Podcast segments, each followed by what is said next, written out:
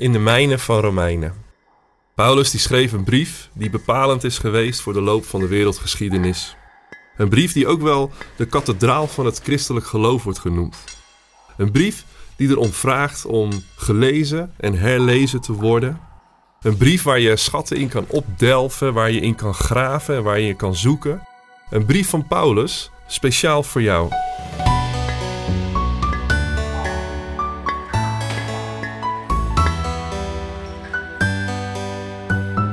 We gaan in deze podcast mijnen in Romeinen.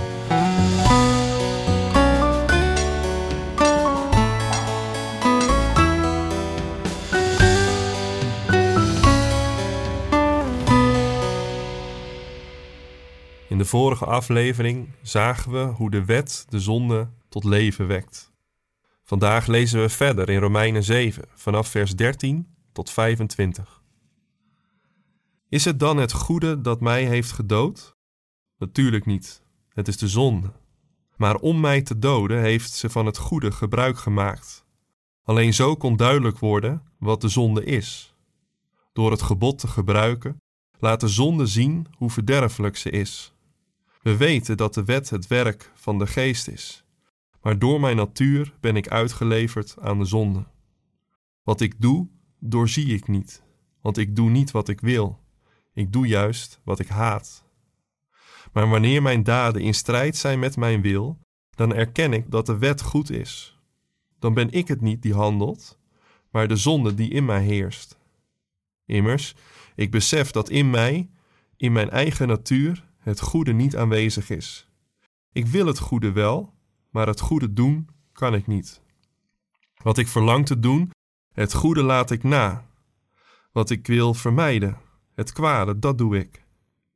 Maar wanneer mijn daden in strijd zijn met mijn wil, ben ik daar niet zelf de oorzaak van, maar de zonde die in mij heerst. Ik ontdek in mij de wetmatigheid dat het kwade zich aan mij opdringt, ook al wil ik het goede doen. Innerlijk stem ik vol vreugde in met de wet van God. Maar in alles wat ik doe, zie ik die andere wet. Hij voert strijd tegen de wet waarmee ik met mijn verstand instem en maakt van mij een gevangene van de wet, van de zonde die in mij leeft.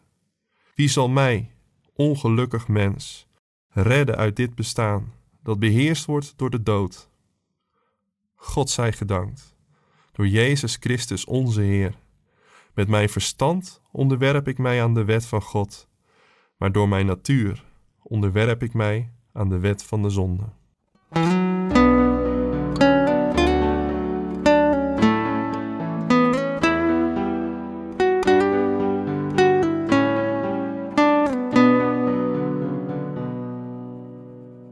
Alleen samen krijgen we corona eronder. Deze slogan staat al meer dan een jaar optimistisch boven de corona-aanpak. Vervolgens vinden we onder de vlag van deze slogan een hele rij met regels die de weg wijst naar de ondergang van corona. Wat het afgelopen jaar duidelijk wordt, is de beperktheid van de kracht van regels. De regels kunnen op zichzelf logisch zijn en goed, en ook kunnen we zien hoe een strikte naleving van de regels het coronavirus daadwerkelijk terug kan dringen. Tijdens de eerste lockdown zagen we hier het bewijs van. Naarmate de tijd vorderde, zagen we echter hoe de regels aan erosie onderhevig waren. Hoe het ons niet redde van corona. Het gedeelte dat we vandaag gelezen hebben, laat theologen al eeuwenlang elkaar in de haren vliegen.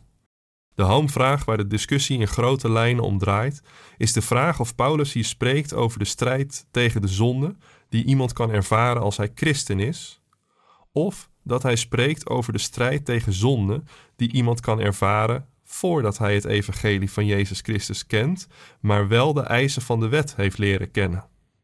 Bijzonder in dit verband is de interpretatie van de beroemde Augustinus, die voor zijn conflict met Pelagius stelde dat Paulus hier spreekt over iemand die Christus nog niet kent, maar wel de wet.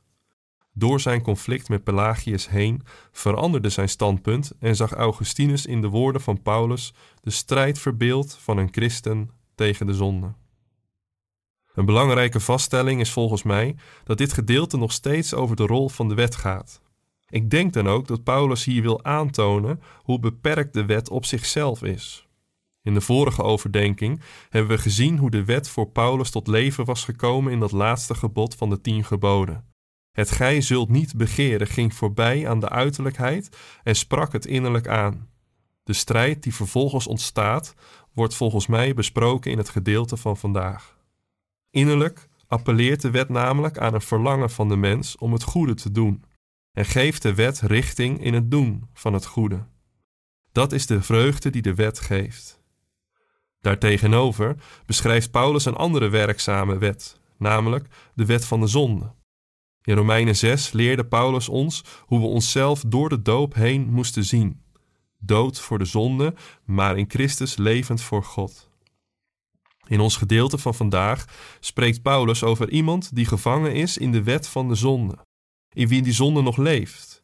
Iemand die wel de wet heeft leren kennen, maar nog niet het evangelie. En vervolgens door de wet opgeroepen wordt de strijd aan te binden met de zonde. Het is een strijd die we zien bij Adam in zijn begeerte naar de verboden vrucht. Het is de strijd die we zien bij Israël, die de wet ontvangen hadden en er vervolgens wisselend mee omgingen. Het is de strijd van Paulus, die ontdekte dat hij het tiende gebod een brug te ver was voor hem. Het is de strijd van de gelovigen uit de heidenen in de gemeente van Rome, die probeerden de Joodse wet te houden.